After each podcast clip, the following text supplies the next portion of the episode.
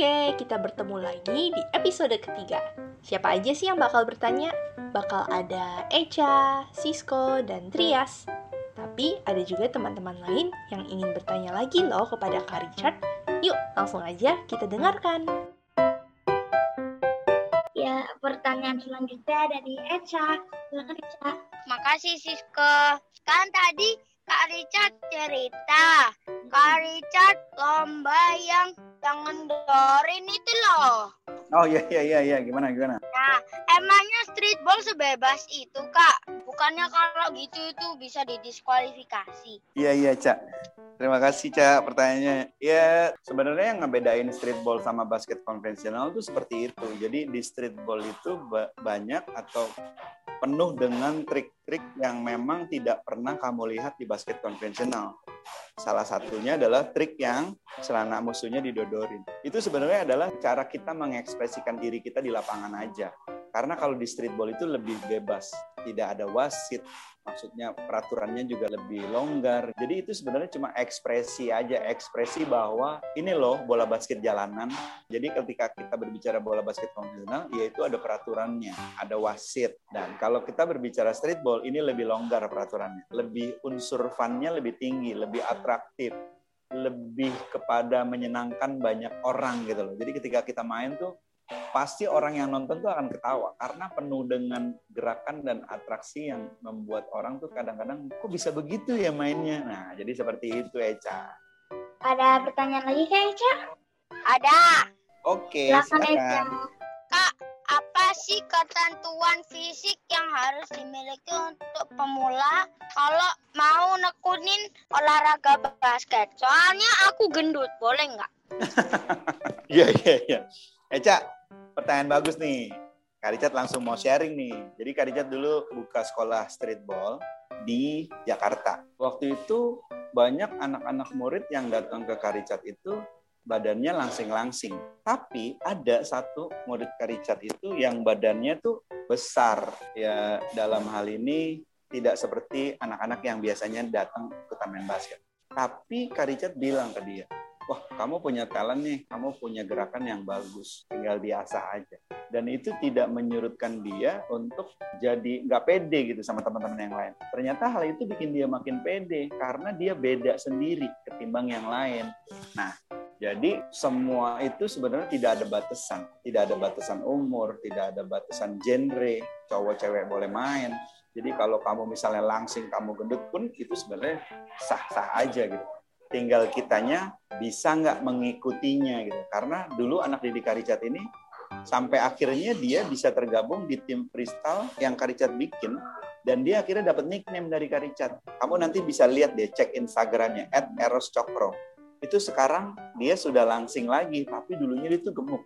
Jadi bagaimanapun bentuk tubuh kamu, selama kamu misalnya mencintai olahraga itu apa adanya dan kamu menekuninya, dan kamu yakin bahwa olahraga ini bisa membantu membentuk kamu menjadi karakter yang lebih baik, lakukan terus. Oke kak, makasih jawabannya. Makasih Eh, Echa. penjelasannya bikin aku jadi pengen main basket. Mantap Eca. Nanti kalau Karicat ke Surabaya kita ketemuan ya. Ya, Ajak Karicat makan di mana? bebek sinjai. Uh, bebek sinja. Jadi ke pertanyaan selanjutnya aja ya Kak, yaitu aku sendiri. Aku mau tanya, apa itu streetball menurut Kakak? Streetball menurut saya sesuatu yang telah membuat saya lebih berarti. Sesuatu yang telah membuat Kakak berarti ya? Ya, saya lebih berarti, saya lebih memiliki arti, saya lebih mempunyai makna dalam hidup dan membuat saya tuh jadi punya sesuatu yang membanggakan gitu. Oh, oke Kak, makasih. Sama-sama Sisko. Jadi kita langsung aja ke pertanyaan terakhir dari Trias. Hai Trias. Oke. Halo Kak Richard. Pertanyaan aku, pelajaran apa yang didapat Kak Richard dari main basket? Terima kasih Trias pertanyaannya. Basket itu mengajarkan Karicat banyak hal sebenarnya.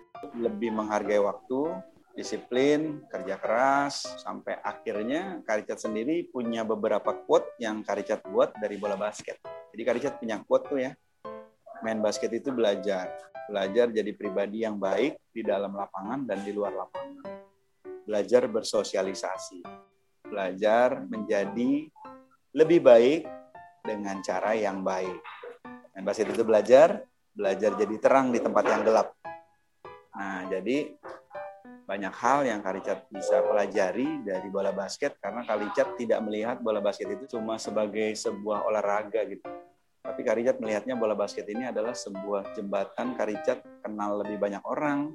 Bola basket ini adalah jembatan buat Karicat mewujudkan mimpi Karicat. Bola basket ini adalah alat bantu Karicat untuk mengenal lebih banyak pribadi dan akhirnya Karicat bisa dapat pekerjaan dari bola basket. Jadi Karicat mau pesan buat Rias dan adik-adik yang lain, kalau kalian punya hobi, apa pun itu bentuknya, jadikan hobi kalian itu adalah jembatan alat bantu kalian untuk bertemu dengan banyak orang. Jembatan kalian mewujudkan mimpi kalian. Dan ketika kalian melakukannya itu dengan penuh cinta dan dari hati, semuanya itu nanti akan kembali lagi menjadi lebih berarti di kehidupan nanti. Semoga berguna, Trias. Oke, Kak. Thank you, Kak Richard. Keren banget. Sama-sama. Terima kasih Trias. Kak, jadi ini itu ada sesi dua. Oke. Gak apa-apa ya Kak. Kita langsung aja ke Ursula. Silakan. Halo Kak, Ursula mau tanya lagi. Ursula kan juga suka main basket. Apa yang harus Ursula lakukan untuk mengembangkan hobi Ursula ini? Oke, yang pertama adalah kamu harus menjadi kertas putih. Maksudnya gini, kamu harus siap menerima apa pun itu ilmu yang kamu dapat dari siapa pun. Sekecil apa pun ilmu yang kamu dapat ketika kamu bermain basket, serap, ambil ilmu itu. Selain kerja keras, selain kamu keinginan kamu lebih lebih kuat lagi untuk jadi lebih baik di lapangan, ya pesan Karijat satu, yang seperti tadi Karijat bilang, jadikan bola basket jembatan kamu untuk menjadi pribadi yang baik di dalam lapangan dan di luar lapangan. Oke Kak, makasih Kak atas jawabannya. Wah, keren. Ini ada pertanyaan kedua dari Cheryl. Siapa Cheryl? Halo Kak, aku mau nanya lagi. Oke, Pernah cedera saat bermain nggak Kak? pernah di pelipis ini nih Karijat nih sering banget pecah nih, sering banget sobek. Kalau kalian suka lihat nih, kelihatan nggak ada garis-garis gitu nih sini? Itu sebenarnya Karijat sobek nih sini. Sobek, jadi kepala Karijat beradu sama kepala musuh. Jadi kita lagi dribble terus jeduk gitu. Akhirnya sobek, sobek. Terus Karijat pernah jari Karijat nih yang ini nih, ini nggak bisa nekuk nih, nggak bisa nekuk sampai sini karena ini kena bola basket. Jadi Habis itu habis itu itu kakak digantiin atau enggak Kak? Aduh sakit banget digantiin akhirnya. Terus yang paling parah ya Karicat ya, cedera Karicat yang paling parah. Ini tangan kanan Karicat nih yang ini nih. Ini, ini patah nih. Kena patah. Karicat lagi main basket patah. Jadi Karicat pantatnya didorong sama musuh, terus Karicat lagi lompat terus didorong. Akhirnya Karicat jatuh terpelanting gitu, kaki di atas, tangan di bawah. Tapi tangan Karicat nahan ketika mendarat jatuh gitu. Akhirnya krak patah dua-duanya nih, yang ini, tulang yang ini, yang kanan. Tapi itu tidak membuat Karijat berhenti untuk mencintai bola basket. Akhirnya Karijat belajar main basket pakai tangan kiri. Belajar pakai tangan kiri, shoot pakai tangan kiri, dribble pakai tangan kiri. Dan ketika tangan kanannya sembuh, akhirnya Karijat bisa apa? Karijat bisa nembak tangan kiri, bisa dribble tangan kiri. Jadi tangan kiri Karijat jadi lebih hidup seperti tangan kanan. Jadi kalau ada sesuatu yang akhirnya bikin kamu jadi down, jangan melihat itu sebagai sebuah kesulitan atau hambatan, tapi jadikan itu sebuah kesempatan kamu untuk menggali potensi kamu yang lain.